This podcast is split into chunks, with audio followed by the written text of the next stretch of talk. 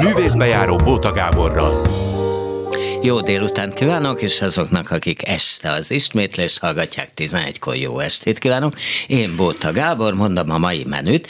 Elsőként Vajda Gergely van itt, zeneszerző, karmester, olykor klarinét művész, ugye ezt is tanulta a Zeneakadémián, és ilyen világpolgárám, tehát amerikai állampolgár is, és Bécstől Frankfurtig Salzburgi ünnepi játékok, New York, Chicago, Toronto, Montreal, mindenütt vezényelt, vezényelt már, és nem tudom mennyire szereti, hogy ezt mondják, de miután Budapest annóban többször szólt az édesanyjáról, Kincses Veronikáról, hát az ő fia, operaénekes fia, és Vajda József pedig a rádiózenekarnak volt az édesapja, a fagott, fagott művész. Na, és utána egy kicsit könnyedebb zenéről is lesz szó.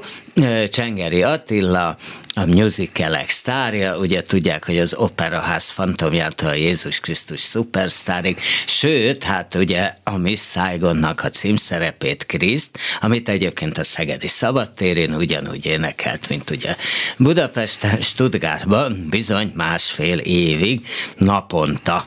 Ö, lökte, kicsit elege is lett belőle, erről majd még beszélgettünk vele, tehát akkor ez van.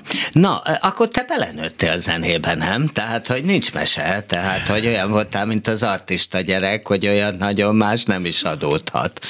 Hát igen, de az inkább az én szempontom, vagy az én oldalamról jött, mert a szüleim nem er- erőltették. Tehát azt, hogy zenét tanuljak, az persze, de, de hát ettől még normális ember is lehettem volna, azt, aztán végül zenész lettem. Nem, azon gondolkodtam, hogy ez a, a, a kimit tudos karrier, ami édesanyámnak kijutott, hogy ez, ez mennyire nem lehetséges ma már. Tehát hiába vannak, ö, vannak ilyen műsorok, amik kifejezetten erről szólnak, hogy kreáljunk sztárokat, de hát azért nem mindegy, hogy 32 tévéadót néznek, 140 rádiódást hallgatnak, vagy csak kettőt. Hát Tehát, hogy azért az, az nagy mert aki mit volt. tud, az valódi tehetségkutató volt, ezek meg áltehetségkutatók. Igen, Tehát az ezek igaz, de... szórakoztató műsorok, mondjuk komoly zenének oly nagyon esélye sincs bennük, ugye?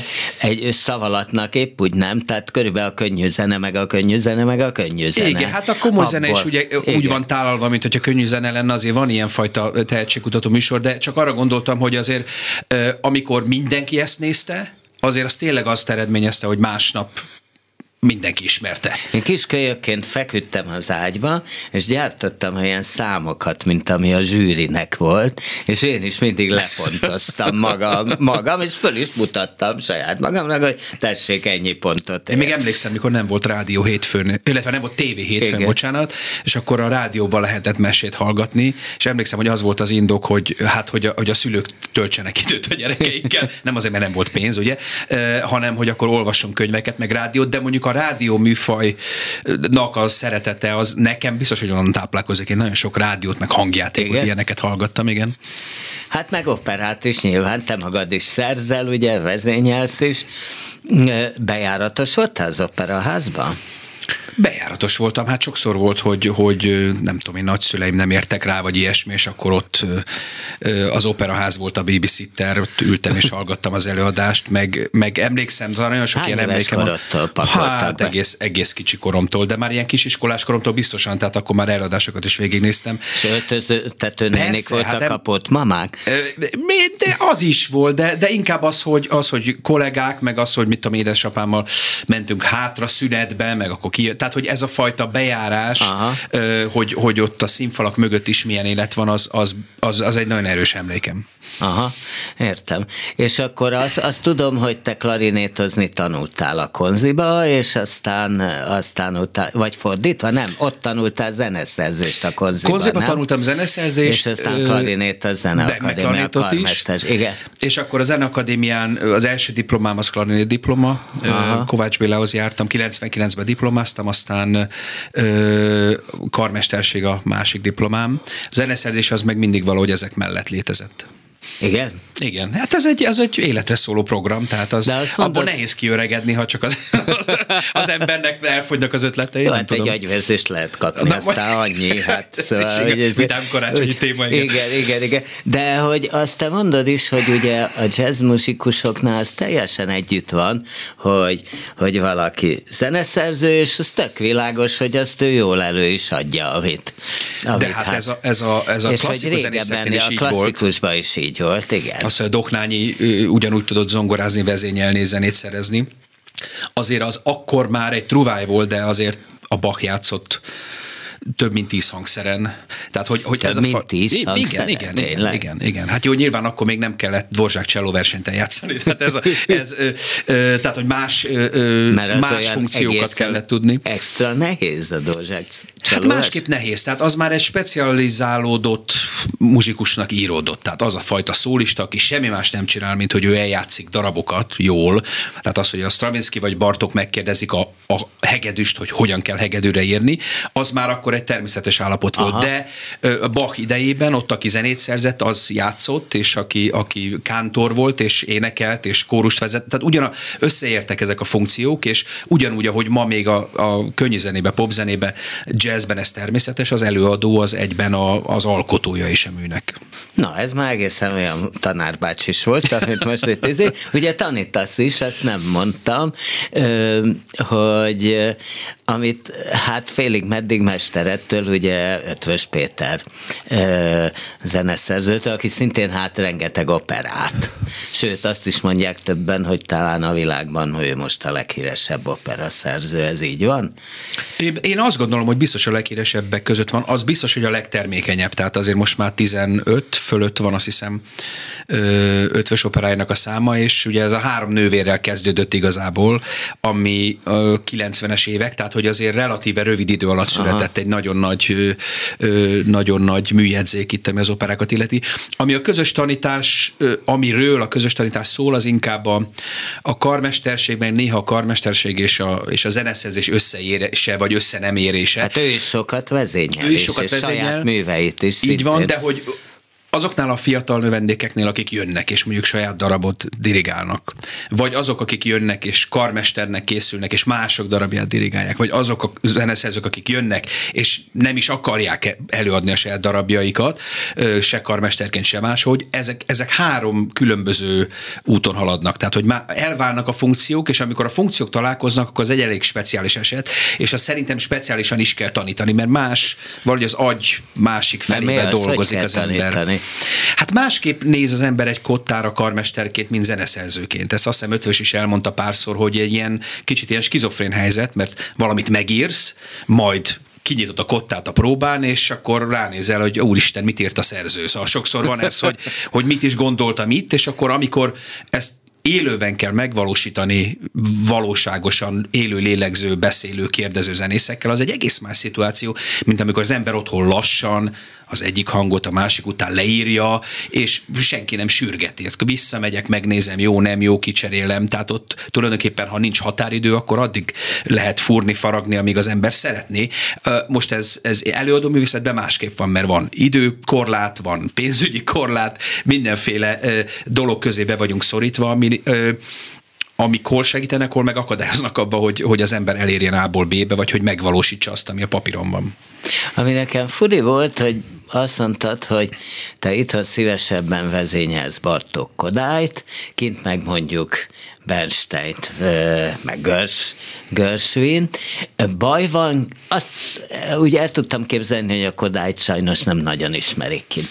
De, de hogy a Bartokkal is baj van egyébként kint? Tehát, hogy őt se nagyon ismerik? Tehát ez a itthon világhírű esete egy kicsit, vagy azért nem? Nem, erről van szó. Ez ugyanaz a probléma, mint a, mint a bécsi keringők esetében. Tehát ugye amikor azok a zenekarok kezdenek el bécsizni, akik igazából nem nagyon értik ezt a dolgot, akkor az mindig ilyen művi Aha. lesz egy picit. Tehát azt nagyon, tehát azt a fajta spontaneitást, azt nagyon sokáig kell gyakorolni, ha egyáltalán lehet. A Bartoknál is ez van, tehát el lehet jutni egy nagyon jó szintig, de azért az alapvetően, hogy a, a, a koncertó vagy a, a hegedűverseny fő témáját azt valaki úgy játsza el, hogy az tényleg olyan legyen, ami abban benne van, magyar legyen, Bartók legyen, 20. századi legyen, modern legyen egyszerre, azért ahhoz valamilyen szinten, most idézőjelben mondom, kell magyarul beszélni. Tehát a nyelv az hozzátartozik a zenei artikulációhoz is, és ez az a része, ami nekem már bevallom néha fárasztó. Tehát, hogy az el mindig elmagyarázni, hogy igen, ott van a hangsúly, de azért mégse úgy beszéljük, mint hogyha állandóan a barikádra szeretnénk rohanni, mert azért nem minden hangsúly ugyanolyan nagyon hősiesen szól a magyar nyelv, szóval nehéz. De a kékszakálút sokat csináltam külföldi énekesekkel, és szinte lehetetlen ezt kócsolni. Tehát az, hogy, hogy nagyon messzire el lehet vele jutni, de életemben eddig egy német énekesnő volt, aki tökéletesen énekelt magyarul. Tehát úgy volt, hogy nem tudtam belekötni, pedig karmesterként nagyon szerettem volna, de, de, de, de az úgy, volt, hogy, hogy nem tudott magyarul, tehát csak így bevágta? Van, így van, úgy volt, hogy, úgy, hogy nem tudott magyarul, valószínűleg kínaiul vagy ógörögül is ugyanilyen jól énekelt volna, Aha. de hogy egész egyszerűen ilyen, ilyen készsége vagy képessége volt, hogy ez ment neki. De hát ez nagyon ritka azért, tehát azért, azért minden, minden énekesnek megvan az anyanyelve, minden énekesnek megvan az az egy-kettő-három nyelv, amin nagy biztonsággal énekel, hát a magyar mondani se kell, az nem tartozik ide. Ö, hát neked is van egy kék szakáló operát tulajdonképpen. Mondhatom, hogy persiflázs, vagy mit lehet rá mondani? Hát nem tudom, lehet persiflázsnak is mondani, egy, egy ilyen nagy tisztelettel megírt vígopera, nem tudom, lehet, hogy, hogy én szeretem azt gondolni, ez Barbie Blue-nak hívják ezt az operát, és ugye azt szoktam róla mondani, nagyon leegyszerűsítve, hogy a női verziója a kékszakálónak, meg a komikus pár darabja, tehát hogy ez azért alapvetően egy, egy, egy vígopera, de csomó olyan összefüggés igyekeztem zeneileg és dramaturgiailag is teremteni, ami, ami ez valóban a kékszakáló pár darabjává teszi, de azt szeretem hinni, hogy azért ez a kékszakáló nélkül is megél. Szóval, hogy, hogy a, a történet meg direktbe, úgy annyira direktben van írva azért a zene, hogy ez egy követhető, se veled, se nélküled, nem félünk a farkastól, két ember, egy éjszaka, mi történik egy házaspárral, amikor hazatér a férj jelenet, és hogy ez, ez mit tudom, 35 percben meg van úgy írva, hogy ez működik magától, aztán, ha valaki jobban megnézi, belehallgat, akkor rájön, hogy, hogy a kék szakálból hol kapcsolódik, és akkor már lehet ilyen játékokat játszani vele. Aha.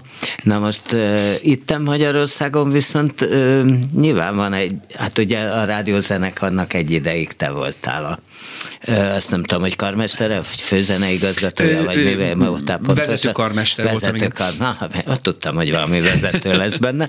Uh, tehát, hogy, hogy nyilván máshogy lehet dolgozni, ugye, hogyha, hogyha itten vissza-visszatérő emberekhez, és hát jó, akkor ez, aztán majd megkérdezem. Hát én most nagy örömmel ö, vállaltam el a Szavária szimfonikusok vezetőkarmesteri ö, felkérését, ezt idén, tehát ugye az idén az nekünk is, mint a színházi embereknek a szezont jelent, Aha. tehát 22-23 én a Szaváriát ismertem, már eddig is dolgoztam velük szombathelyen sokat. Mert az Ötvös Péterre ott voltak a kurzusok. Így van, éppen ezt akartam mondani, hogy ez a Bartók is igen, ugye ide visszakapcsolódik. Tehát például a Szavária szimfonikusoknak Bartók az egy anyanyelv. Tehát ott Aha. ö, ugye csak, hogy befejezzük ezt a gondolatmenetet, azért azt sok emelettel följebb lehet kezdeni. Aha. dolgozni a darabon, hogyha beszéljük a közös nyelvet, és egyharmad annyit kell csak magyarázni vagy mutatni, mint, mint azoknak, akik mondjuk egy évben egyszer játszanak csak Bartókot. Aha, de várjál, most neked Amerikában is van zenekarod, Így nem? van, Huntsville-ban, igen. Akkor te itt ingázol rendesen? Én itt ingázom, igen, igen. Most majd karácsony után felkerekedek, 26-án elindulok, és csinálok két újévi koncertet, egyébként egyiket sem a zenekarommal, egyet Chicago, egyet Vancouverbe, Kanadába, majd januárban lesz legközelebb Huntsville-ba koncert, de mondjuk a január és május között ez úgy szokott azért kinézni, hogy, hogy legtöbbször hetente repülök, úgyhogy sok szeretettel támogatom a, most nem mondom meg mely légitársaságokat, a sok mérfölddel vagy, vagy kilométerrel, amit lerepülök. hogy bírod? Tehát, hogy, hogy tudom, hogy a, a, akik, hát például Vásári Tamásról többször beszéltünk, hogy már heroltja, tehát azért hagyta abba ezt a, ezt a, a turnézgatást a világban, mert már, már nem bírta, tehát a, elege volt, tehát Szóval te hogy vagy ezzel? Hát van egyfajta rutin, tehát annak a rutinja, hogy Ugye itt az álmatlanság a legfőbb ellenség, vagy ez a jetlagnek hívják, amikor az ember elindul este tízkor Atlantából a géppel, és megérkezik mondjuk Amsterdamba reggel hatkor, ottani idő szerint. Aha. Ez azt jelenti, hogy pont mire elaludna az ember, addigra reggel van kis túlzással. Én És gépen is, nem tudsz? Tudok, de én egy ilyen bagoly típus vagyok, tehát én pont akkor mondjuk komponálnék, amikor repülőn ülök, vagy, vagy tévét néznék, vagy valamit, de a rutin az csak arra vonatkozik, hogy nem idegesítem föl magam rajta. Tehát, hogy nem ez a rutin ki, a, a, a saját biológia, tehát a saját testének az ember úgy nagyon nehezen, tehát nem vagyok én jogi, hogy a testemnek parancsoljak, hogy mikor legyen álmos, mikor mm. nem, az jó lenne, de nem így van. De az a rutin, hogy nem idegesítem föl magam azon, ha mondjuk megérkezésem után másnap fölébredek hajnali háromkor, és akkor fönt vagyok, akkor olvasok egy másfél órát, visszamegyek aludni, ö, tudom, melatonint beszedek reggel kávé, tehát hogy van, vannak bizonyos technikák, ö, meg az, hogy el kell engedni. Tehát, hogy oké, okay, most álmos vagyok, akkor ha tudok, akkor alszom egy picit, délután nem öt órát, mert akkor, akkor egy hétig nem lehet átállni, hanem mondjuk egy, egy órát másfelet, és akkor spórolni az estére. Szóval ilyen, ilyen technikák vannak, ilyen rutin van, és e, ez valamennyivel és egy picit élhetőbb. kell vezényelni. Hát akkor dögálmosan kell vezényelni. Hát azért ez előfordul akkor is, amikor az ember nem, nem a tengeren túlról repül, de, de hát igen, igen, hát azért jó fölkészülni előre, hogy álmosan is tudja az ember, hogy mit csinál. Aha, jó, világos. Most mind dolgozol éppen egyébként? Most éppen egy, egy koncertünk volt a Zoomze új zenei együttessel, amelynek művészeti vezetője vagyok, de szerintem... Hát, hogy az is van, van egy pár zenekarod, úgy lá... igen. Igen, és Csalog Gábor volt a fókuszában ennek a műsornak, amit most csináltunk. Gábor komponál is, egy mindenki ismeri, úgyhogy én örömmel vezettem a műsort, meg vezényeltem egy ensemble írott kompozícióját, és le legközelebb pedig szombathelyen lesz egy karácsonyi tematikájú koncert, lesz benne Respigé, meg Mozart, és ez van 21-en, tehát én most, én most erre készülök.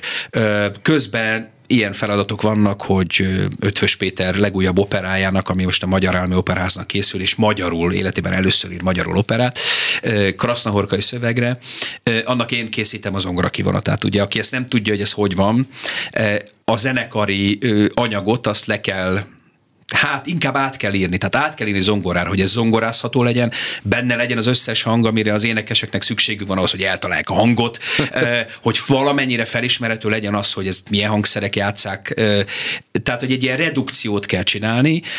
Ami, ez a próbákhoz szükséges? Ez a próbákhoz szükséges, így van, tehát a, ami a színházban ugye a rendelkező próba, ez az operában úgy zajlik, hogy ott ül egy zongorista, egy korrepetitor, és ő játsza a zenei anyagot, amire az énekes ráénekel, hogy amikor fölemelem uh-huh. a poharat, ezt éneklem, mikor leteszem, azt éneklem, de ehhez ugye kell készíteni egy zongora kivonatot. És vannak operák, amelyek ez híresen, vagy hát inkább zenei, hogy mondjam, zeneszerzők és, és zenei anyagok, ami ez nehéz, Aha. mert annyira komplex. Tehát például a, a Berg Vodzeknek a zongora kivonatára, aki ránéz, az kiszalad a világból. Tehát, hogy az a 30 újú zongoristára írták, az biztos, mert annyi mindent kéne játszani. Ilyenkor jön a rutin, és a, és a zongoristák kihagyják az, ami nem fontos. De hát ha már lehet eleve olyat írni, amit le is lehet játszani, és csak a fontos van benne, akkor legyen az. Szóval például ezen dolgozom most, azt hiszem, hogy most itt talán holnapra már kés lesz, készen is leszek a második jelenettel. És egy ilyet például miért válasz be? Ez nem, ez nem ilyen mechanikus? Oly, ilyen, nagyon sokat tanulok belőle. Hello. Hát egyrészt a Péterrel való Be, barátságom, kap, kapcsol, munkakapcsolatomnak a része. Én e, csináltam már egyszer az egyik operájához zongora kivonatot, ezt ugye a SOT nevű kiadó adja ki Németországban. Mert azért ez egy speciális tudás, tehát olyan értelemben, hogy én ismerem a stílust, Aha. ismerem Péter stílusát. Aki kívülről érkezik ebbe a történetbe, az sokkal-sokkal nehezebben tudna ezt megcsinálni. Úgyhogy hát sok indokból vállaltam el, de most már elvállaltam, úgyhogy csinálom is örömmel. Na, és akkor ugye szombathely után, meg még itt ebbe az évben még nyomsz két koncertet Chicagóban, meg már nem tudom hol. hol? Mi a másik? Vancouver, ja, Vancouver, Vancouver Kanadában, Vancouver. igen. Az viszont Vancouver. csupa bécsi darab lesz, ilyen bécsi újévi koncert Mert ők mégis csak tudják. Ö, én nem mondtam, hogy tudják, én csak azt mondtam, hogy ezt csinálják, mert erre van kereslet. Tehát az, hogy mennyire fogjuk tudni a bécsi keringőt megvalósítani Csikágóiakkal, ez ugye egyébként az opera zenekar, aki majd játszani fog, hát ők azért talán jobban, mert, mert azért ilyen stílusban azért operettet vagy keringő közeli dolgokat jobban játszanak. Meglátjuk, meglátjuk. Az énekesek egyébként Európából jönnek, tehát akik, akik uh-huh. operetáriákat énekelnek, tehát ott a stiláris részével biztos, hogy nem lesz probléma. Mennyit tudsz ilyenkor próbálni? Ilyenkor egyet. Tehát egyet? mindegyikre egyet, igen. De azt hiszem az lehet, hogy az első előtt kettő van, Fúha. mert ugyanazzal a stábbal megyünk majd át Vancouverbe, a táncosok és az énekesek ugyanazok lesznek. A zenekar lesz csak más, tehát azt hiszem, hogy az elsőre kettő próba van, a másikra meg egy. Hát itt, itt Mit lehet egy rutin, próba? hát Mit rutin, rutin. Egy próba alatt sok mindent. Tehát azért egy, egy chicagói operazenekar szintű zenekarral sok mindent lehet nekem egyik kedves barátom a New Yorkiaknak a tubása, és egyszer megmutatta, elindultak egy európai turnéra, azt hiszem egy tizenvalahány állomásos európai turné, és mutatta nekem a tuba szólamnak a füzetét, ami 300 oldal volt.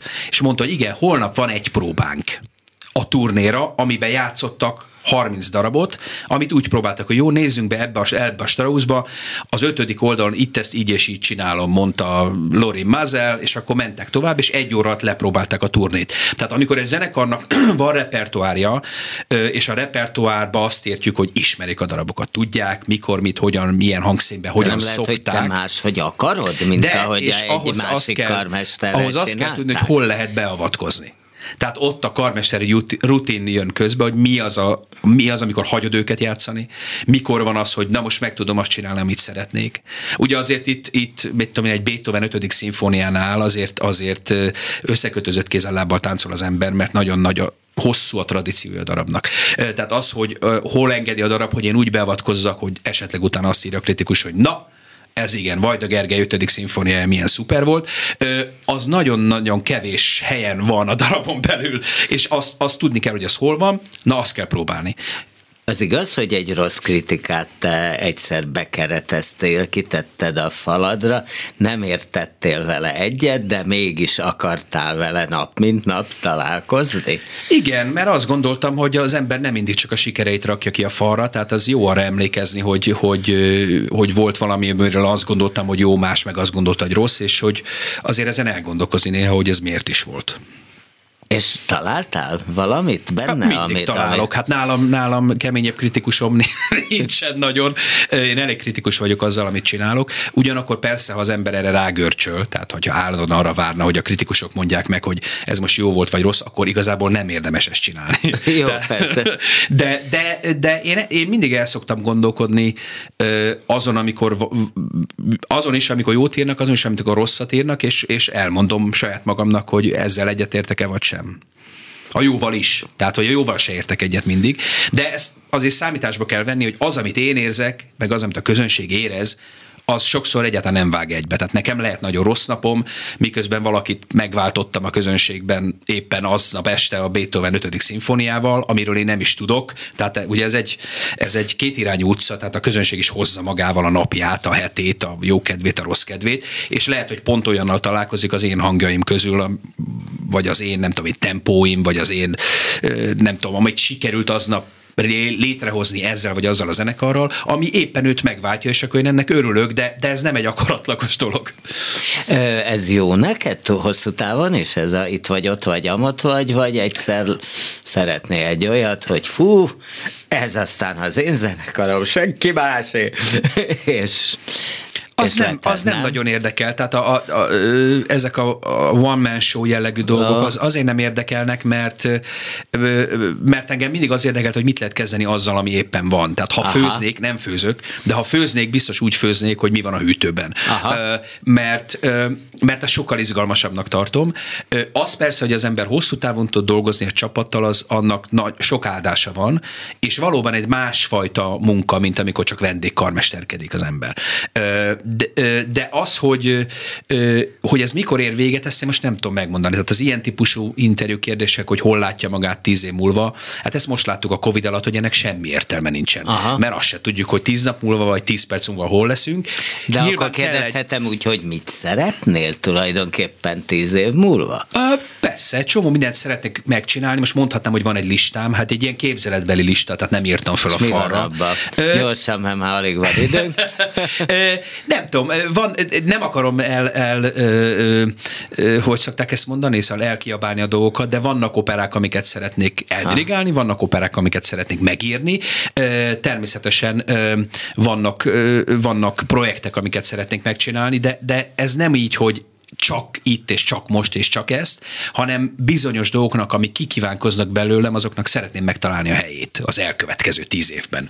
Hát akkor legyen úgy. Ja, nagyon Ak- köszönöm. Akkor én is köszönöm, hogy jöttél. Varg, Vajda Gergely, karmester, zeneszerző, klarinétművész, amire nem is dumáltunk, hát erre már nem maradt idő. Világpolgár volt a művészbejáró első vendége, és következik egy szintén a zenéhez nagyon közeli ember, Csengeri Attila, musical sztár, akit hát ugye sokat láthatnak a, a Madács színházban, Pécset is rengeteget van, mert minden, mindenféle ö, vidéki városban, és eszméletlen mennyi főszerepet ö, játszik, akár külföldön is ő is, tehát akkor most, ha gondol Dani adj egy szignált a szokás szerint, és utána jövünk Csengeri Attilával.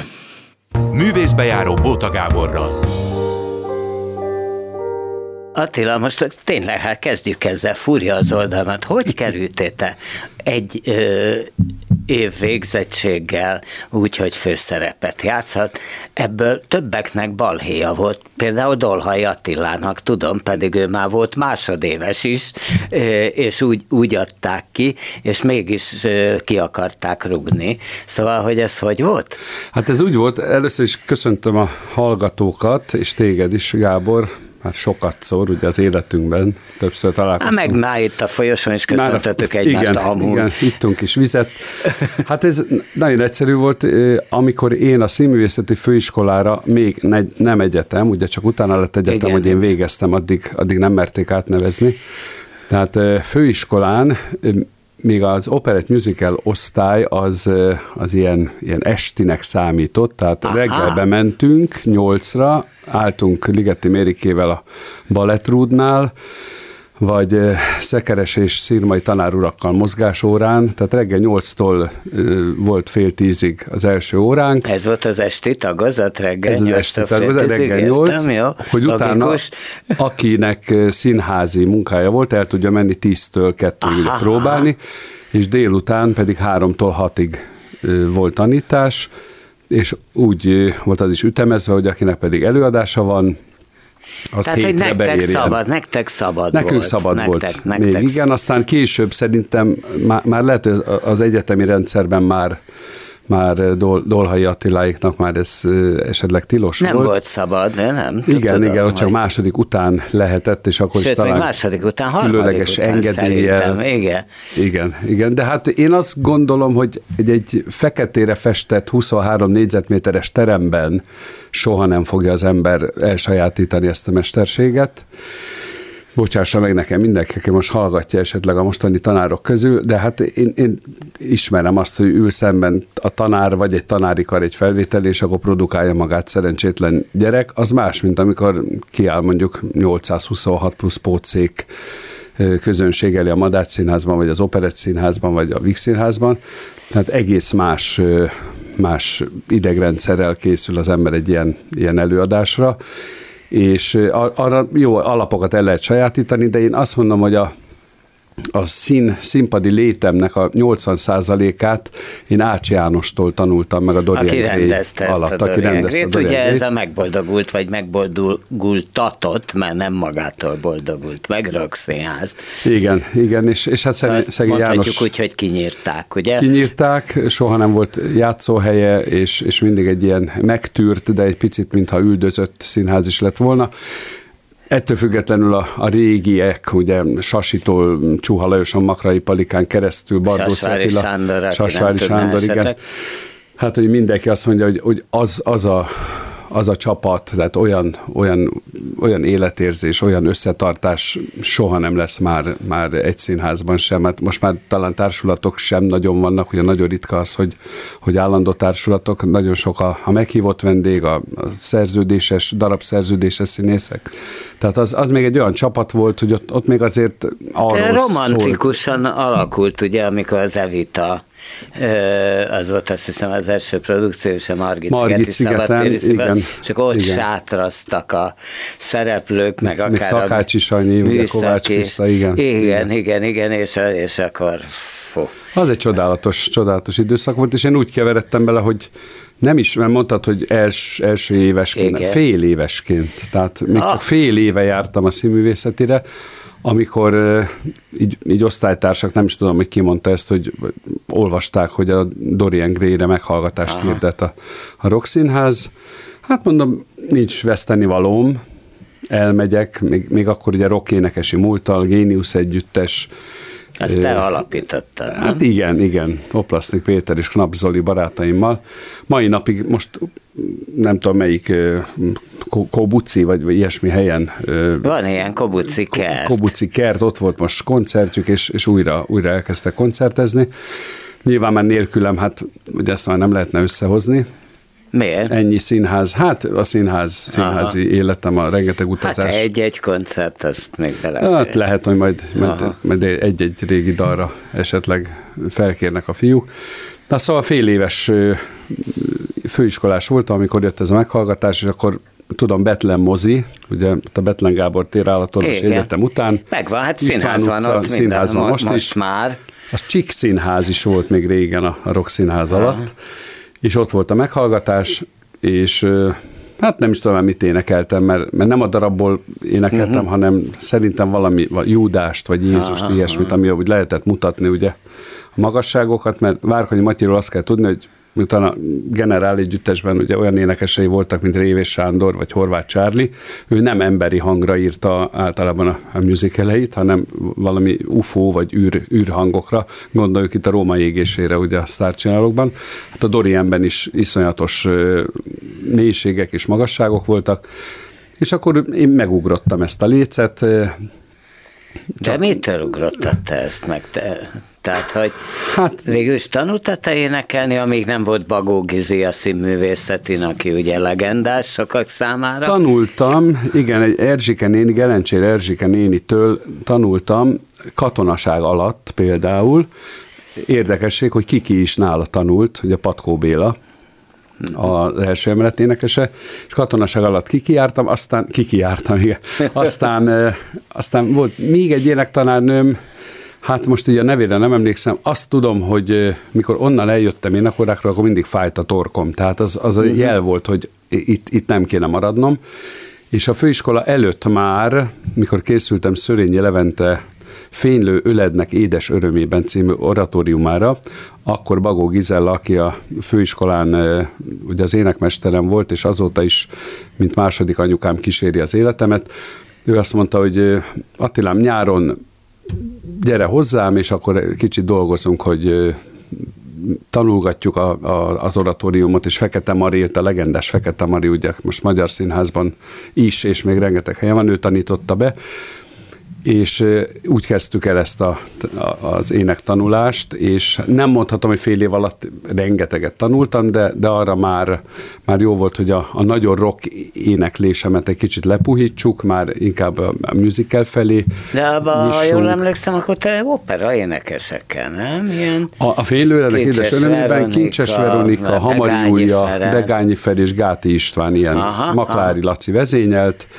hatalmas kórussal, hatalmas díszlettel a Margit szigeten, ugye hát több ezer néző előtt, és én, mint kis rockénekes, mert akkor még csak rockénekes voltam, ugyan már felvételt nyert, nyertem a színművészetére, de hát még nem is kezdtem el, és augusztus, és emlékszem, hogy akkor a- az akkori gázsimból vettem életem első autóját, egy kis polszkit, egy polszkit. egy gázsiból kitelt? Az Hát a... egy kicsit kisegítettem Ja. még, igen, de, De azért ez... azt hiszem 30 ezer forintot kaptam azért akkor 1989 nyarán, az nem volt egy rossz, rossz pénz, Nem, az, az nem. most szerintem olyan 4-500 ezernek felel meg, ugyanis egy, egy használt kis porszkit, amit úgy vettem, hogy 65 ezer forint volt a meghirdetett ára, de Kozári Laci szegény már nincs közöttünk autókereskedő barátom, azt mondta, hogy a tulajdonos férjével, mert egy hölgyé volt, ő leteniszezi azt az 5000 forintot, fönn a fonográf klubban, ahol én portás voltam fél évig,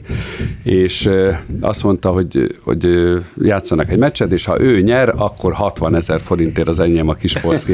és így vettem meg életem első kisporszkát, és még arra is emlékszem, hogy 92-es benzin kellett bele, tehát nem, nem kellett ugye a nagyon jó minőségű, mert kicsi volt a kompressziója, és 26 forint per liter volt akkor egy, egy liter benzin. 26 forint, tehát én vígan 500 forintból bőven teletankoltam a kisporszkit, tehát ilyen, ilyen szép. És, és bármikor tudtam parkolni a színművészet, a Vas utca környékén a színművészeténél. Még nem volt fizetőparkoló, rengeteg hely volt, tehát ez a nosztalgia érzés. Hát ugye, igen, ami, igen. Gondolom benned is van egy ilyen... Te, te voltál menő színművészet Bizony, kocsival, kocsival, Kocsi, és, és mentünk, mentünk, éjszaka mentünk, emlékszem, Török Bálintra szinkronizálni, és olyan filmeket szinkronizáltunk, még Vikó Birodalom, ugye Fenyő János, Aha Conan a Barbár, meg Vörös Szonya, ezek a Schwarzenegger filmek,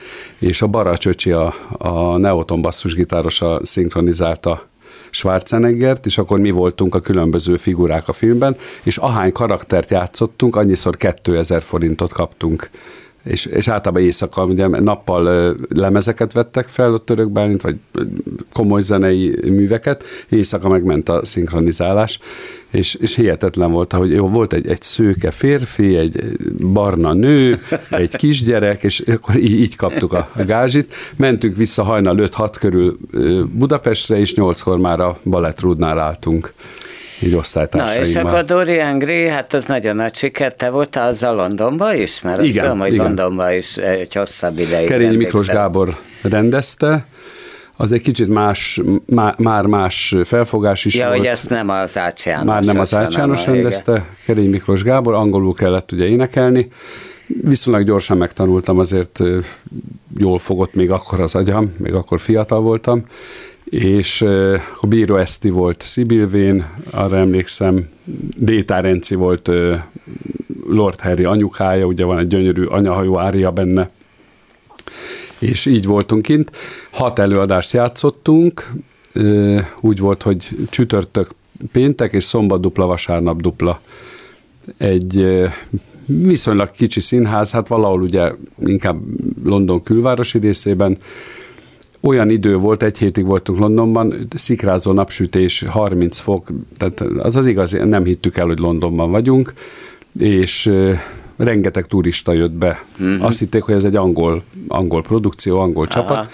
Végén aztán, mikor úgy kicsit szóba álltunk velük, volt egy japán csoport meg én, akkor, akkor ámultak, hogy, hogy mi magyarok vagyunk, egy, egy olyan minőségű produkció volt, hogy azt hitték, hogy, hogy mi helyiek vagyunk, és ugye hát az angol szászok a, a, a musical legjobb előadói, úgyhogy ez gyönyörű, gyönyörű időszak volt, és hát a Dorian Gray az nekem mint első színházi megjelenésem, ugye, mint, mint főszereplő, ez, ez azért az egész életemet végig kíséri. Hát ez tulajdonképpen azért te mondod a Stuttgarti tapasztalatok alapján, azt, azt mondod, hogy mi lélekben nagyobbak vagyunk, ami nekem tetszett ez a, tetszett ez a mondat, lélekben nagyobbak, tehát, hogy azok ilyen szöröstökű profi előadások, bocsánat a kifejezését, tehát, hogy minden klappol, minden pontosan megy, ki van találva, megvan a ritmusa, ami kell, látvány, üzem, izé,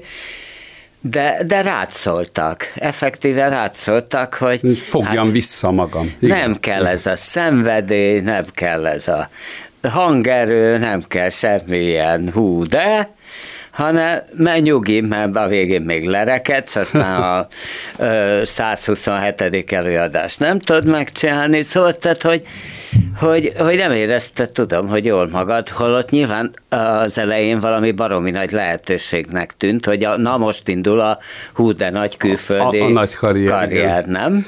Igen, ak- akkor, hát akkor nyitottak hogy ezek a 1800 meg 2000 személyes színházak, és, és ott az Operász Fantomiától nyomorultak, Sunset Boulevard, Starlight Express, ugye ez a Stella produkciós iroda, rengeteget mutatott be, és, és tényleg buszokkal, repülőkkel hozták a külföldieket is, és teljes hétvégi programok voltak, ahol én Stuttgartban énekeltem a Musical Hall, ugye ez nem is Stuttgart, hanem fölötte Möringen nevű kis külvárosa, ott úgy volt kitalálva, hogy van a, a musical színház mellett egy hatalmas szálloda, játékterem és egy gyönyörű Schwabeg Quellennek hívott fürdő, gyakorlatilag ott, ott minden volt. Aha. A jacuzzi-tól a, a, az ilyen pörgetőmedencén keresztül minden, pálmafákben. Tehát ahogy el kell, elképzeljük azt, hogy de, de ez 95 90-es évek közepén. Tehát ez még, még ma is csoda bárhol a világon. Tehát ez egy hosszú ilyen. hétvége volt. Egy hosszú a, hétvége, Hollandiából, Franciaországból, mindenhonnan hozták. Gondolom, éttermek, Éttermek, igen, ott láttam olyat először életemben, hogy a Mercedes, hát ugye Stuttgart, Mercedesnek volt egy irodája, és ha be is volt zárva, előtte volt egy érintőképernyő, és az ember ott meg tudta rendelni magának a, az autóját, össze tudta állítani, hogy milyen felszereltség, milyen motor, milyen felni, tehát az, az nekem egy csoda volt. És kerestél hogy... ott annyit, hogy abból meg lett egy Mercedes?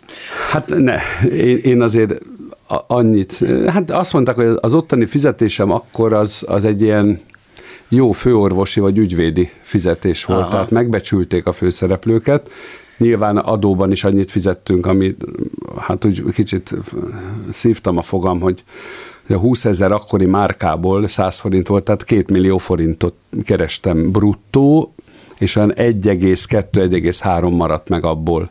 De akkor itthon egy jó fizetésem 120-150 ezer forint volt, így a rockszínház, meg egy-két hakni. Aha.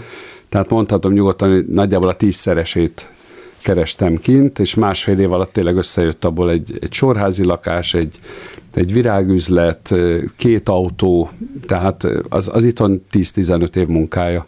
Aha. Nagyon. De, de mindezért ugye az ember kin, külföldön van, igazi barátok család nélkül, és, és mindig is éreztették egy, egy picit velem, hogy, hogy azért én, én nem német vagyok, mert amikor a, a német váltóm, aki ugye második szereposztás volt, mondjuk hullarészegen bejött, és nem tudta elénekelni az előadást, és be kellett ugrani helyette, akkor csak azt mondták neki, hogy ejnye, ejnye, ne forduljon elő, de ha én mondjuk egy megbeszélésről késtem 5 percet, mert épp nem tudtam leparkolni időben, akkor 200 márka levonás a béremből. Tehát, hogy, hogy ez, ezt azért mindig is éreztem, hogy, hogy megvan, a, megvan a német, meg megvan az Auslander, aki csak dolgozni Meg nyilván ide. érezted azt is, hogy szakmailag dekkolsz. Igen, igen. Hát ez már nyilván naponta ugyanaz. Ugyanazokkal a szereplőkkel. Hányszor valami 264. Húztam, ah, volt egy fölragasztottam az ajtóra belülről egy A4-es lapot, és akkor ott, ott húztam a strigulákat, ugye 9, és a tizedikkel húztam át egy, egy tízes blokkot. 264, szép volt, jó volt, a, a profizmus, tehát az, az a hangtechnika, amit körbevezettek a színházban, tehát ott, ott egyszer beálltunk hanggal, ott, ott soha nem recsegett a mikroport, soha nem maradt le egyetlen szó eleje sem. Tehát az, az úgy szólt a másfél év alatt minden egyes előadás, amikor elérte a mikroportom a, az óraszámot, amit szántak neki, akkor szépen levették a fejemről, átkerült a kórusra, és én kaptam egy vadonatújat, tehát, hogy az, az, de, de igazából mindig azt éreztem, hogy az egy, az egy gyár, ahova bemegyek dolgozni. Ott az érzelmek azok egyáltalán nem számítottak. Ez, amit mondtál is, hogy, hogy itthon azt kérte, ugye Keró, hogy, hogy tépjem szét magam, és, és halljak meg a színpadon, és amikor ott próbált, így próbáltam, akkor mondták, hogy Attila, it's, it's too much. Mindig azt mondták, hogy legyek olyan, mint egy, egy labda, mielőtt felrobban. Tehát, hogy csak, csak lássák rajtam, hogy, hogy gyűlik bennem az indulat, de soha, de soha, ne, ne, soha ne robbanja. És akkor de a Kerényi még nyilván azt is kérte, hogy üvöltsél, mert az meg az, az neki mániája volt. Hát, valami iszonyú hangerővel kellett végig csinálni, nem? Az hát kellett, kellett, kellett bírni, igen. De, de mondom, azért az más, más volt a lelkemnek az a fajta színjátszás. Aha. Na, hát itthon még az ilyen nagyon szenvedélyes, az ugye a Miss Saigon, és az szintén még az egyik legnagyobb sikeredőt. Egyébként szintén Bíró Eszterrel, ugye? Így van, Tehát a hazai ős bemutató. Igen, Szegeden. Í- Szegedi szabadtér. Igazi helikopterrel, ugye szállt fel a színpadról a helikopter, senkit nem érdekelt szegény Eszté, hogy énekelte ott a búcsú dalát. Mindenki nézte, mi a helikopter. Hova, hova repül el a helikopter? Nagyon, hát egy gyönyörű, gyönyörű időszak volt. Azt gondolom, hogy életem, életem leg, olyan szempontból, hogy, hogy, hogy a leggondtalanabb. Ugye, még nincs család, nincs gyerek, sikerek vannak, megtapsolnak, aláírást kérnek az előadás után, és még, még volt időm szórakozni, volt időm barátokra, tehát ezek, ezek már mind, mind a múlt, és, és úgy visszagondolva tényleg szinte a legszebb éveim voltak, a legszabadabb éveim, ha így fogalmazhatok. Ugye az előbb említett virágbolt, az a feleséged élet, ha jól tudom. Igen. Te megnyitottál egy ilyen alkusz mi csodát, KFT-t vagy hát valami. egy biztosítási alkusz Mert hogy céget, igen, igen, barátaimmal. Mert Nehogy azt hitt, hogy pontosan tudom mi az, de, de mindegy, de el is mondhatod egy-két nagyon- nagyon mondatban, röviden- anélkül, hogy reklámot csinálna neki, ne is mondd a pontos nevét. Nem mondom, ha az a lényege, hogy bárki megkeres engem, hogy biztosítást szeretne kötni, autóra, lakásra, utazásra, vagy cégének, vagy felelősségbiztosítás, vagy építésszerelés biztosítás, bármi, akkor ugye az Alkusz megversenyezteti az ajánlatokat, a különböző biztosítókat, és a legjobbat Ja, ja, kiválasztja. ja, értem, értem. És ezért kap jutalékot a biztosítótól, tehát ez az ügyfélnek semmibe nem kerül, a biztosító ad jutalékot, és akkor ugye általában éves évfordulók vannak, akkor azt, azt mindig átszámolja az alkusz, hogy marad ennél a biztosítónál, vagy átkötjük máshova. Tehát ennyi, ennyi a, a lényeg ennek. Nagyon hihetetlen az, hogy egy színész ilyennel foglalkozik, mert ugye ez egy Miért nem bírsz száraz- megélni? Nem bírsz megélni? Egy... Igen, hogy Hát száraz, volt- tehát az előbb beszéltél a A szenvedélyről. szenvedélyről, És akkor ott, ezek meg ott, számok. Igen. Ott igen. biztosítási Biztosítási összeg. aktakukacoskodsz a izével. Éves díj, Otthon. stb. Olvasom, hogy gyakran éjjel, mert máskor már nem Nagyon sokszor, igen, éjjel kettő-háromkor csukom le a laptopomat, de, Van, hogy én akkor se egyébként, de nem, de ezeket, de ezt nem de bírnám. igen. milyen jó. Emlékszem, még volt egy olyan, hogy pandémia, volt egy ilyen szó, hogy pandémia. Ja, igen, tényleg. hogy milyen tényleg. jó jött nekem akkor ez, ugye amikor Ja, a színész, akkor- színész kollégáim ültek otthon és gondolkodtak, hogy na most melyik futárcéghez menjek el futárkodni, Aha. és mivel, ha mondjuk nincs autóm, meg biciklim se, akkor mivel, és, és akkor azért megkaptam És azt, akkor- hogy milyen okos vagy te, hogy, hogy már, már elő 10, És akkor nem is 17 kellett éve. éjjel csinálni, nappal, is Nappal is tudtad lehetett, csinálni. így van, így van. És, és tényleg nagyon, nagyon szépen, lehet, hogy nem tettem félre, de nullára azért ki, kijött a, az élet, és, és akkor Mármint a pandémia a alatt. pandémia alatt, ugye, amikor egy-egy online megjelenésen kívül semmi nem volt, és akkor visszagondolva tényleg azt mondom, hogy, hogy milyen jó döntés volt akkor, amikor még dübörgött a, a Jó, de most, élet. jó de, de, de akkor miért kellett? Mert akkor nem számíthattál a pandémiára.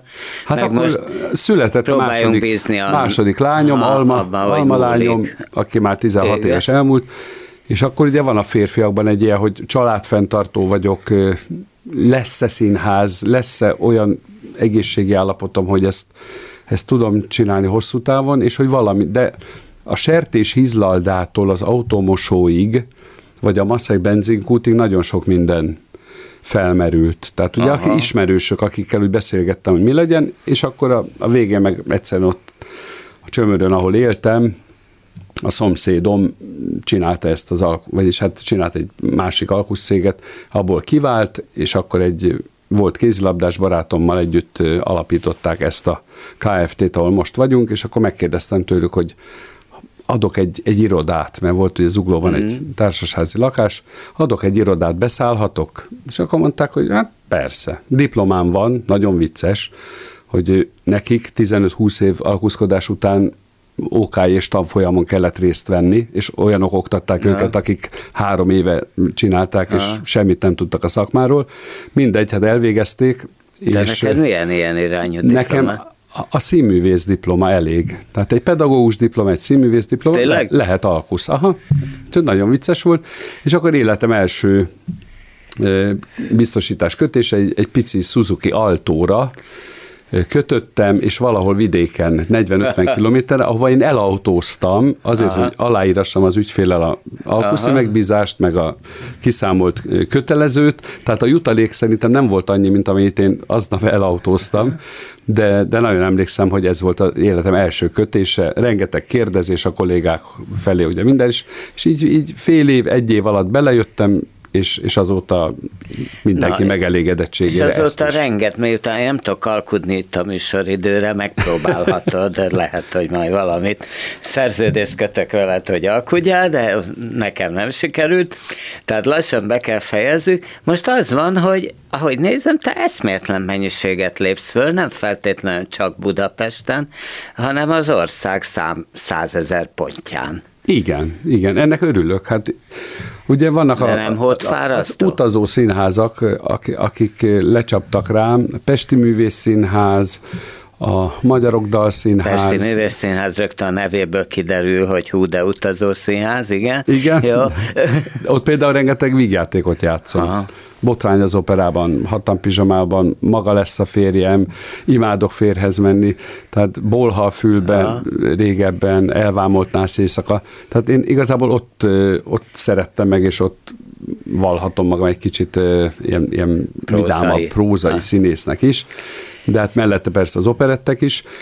Magyarok Dalszínházzal épp most volt Egri csillagok bemutatónk, 25 éves az Egri csillagok, és Jumurcsák szerepét kaptam Mármint meg. az Egri csillagok című musical? musical igen, igen, aha. igen. Igen, a maga a mű az már Amit úgy... ugye Cigler, később Gárdonyi Géza írt, és és a zenét Várkonyi Matyi szerezte, Béres Attila szövegíró, és annyira örülök, hogy Jumurcsákot kaptam, mert uh, egyébként Vizeli, sok, sok szép fiú volt. Vizeli Csaba rendezte. Őstenor. Igen, igen, hogy végre gonosz, gonosz szerep, amit a tavaly nyáron bemutatott Kinizsi a népfiában is Szelim Begler még voltam, ugye, aki meg akarja ölni Kinizsit, és olyan jók ezek a szerepek, hogy ne, nem az a kiállok, mosolygok, és szépeket énekelek, és szerelmes vagyok, hanem egy kicsit a, a, a másik oldalamat is meg tudom mutatni. De hát valahol azért az operaház fantomja is ilyen, hogy egy, egy érző, hatalmas lelkű ember, de hát csak gyilkol, ugye fölakasztja a, a piángyit, meg a zsinórmester. Ez a zsinór, igen. Tehát, hogy, hogy, hogy ezek a szerepek is megtalálnak, és, és nagyon örülök, hogy ennyi felé vagyok. Nyilván az utazás az, amikor reggel, mondjuk, vagy 11-kor vagy délben el kell indulni egy záhonyi előadásra, vagy egy kőszeg, vagy egy sopron, de, de megvan ennek is a szépség, hogy a, ott, ott a buszban a csapattal akkor kibeszélhetjük a plegykákat, kivel mi történt, ugye a szakmán belül, és, és nagyon jól érzem magam ezekben a közegekben is, lubickolok, és annyiféle szerepem van, hogy gyakorlatilag nincs, nincs hiányérzetem, nincs már olyan, hogy jaj, még az ezt, ezt szeretném játszani, vagy azt, úgyhogy én most azt mondom, hogy egy boldog ember vagyok. Ha színészben ritkán mondanak ilyet, akkor további jó érzéseket, boldogságot, Nagyon köszönöm. szakmai, családi, magánéleti sikereket, és én is köszönöm, hogy jöttél. Művészbejáró Bóta Gáborral. Hát akkor ez volt a mai művészbejáró a második részben. Csengeri Attillát hallották, a musicalek sztárját, ugye Dorian Gray, operaház fantomja, nyomorultak, Miss Saigon, lehetne hosszan sorolni, és ugye hát még Stuttgartban másfél évig ö, Miss Saigon is volt, így Sinorban. Hallhatták, hogy ez nem mindig volt annyira szerencsés, és az első részben pedig hát egy abszolút világjáró világpolgár, Vajda Gergely, ugye karmester, zeneszerző, klarinétművész, akinek Magyarország Magyarországon is van zenekara, Amerikában is van zenekara, és közben össze-vissza vezényel a világban. Én Bóta Gábor voltam a hangpultnál, megint csak kemény Dániel ült, ha van kedvük, hallgassák meg este 11-kor az ismétlést, és mindenképpen hallgassák meg Suba Krisztinával a híreket. Viszont hallásra! Művészbejáró Bóta Gáborral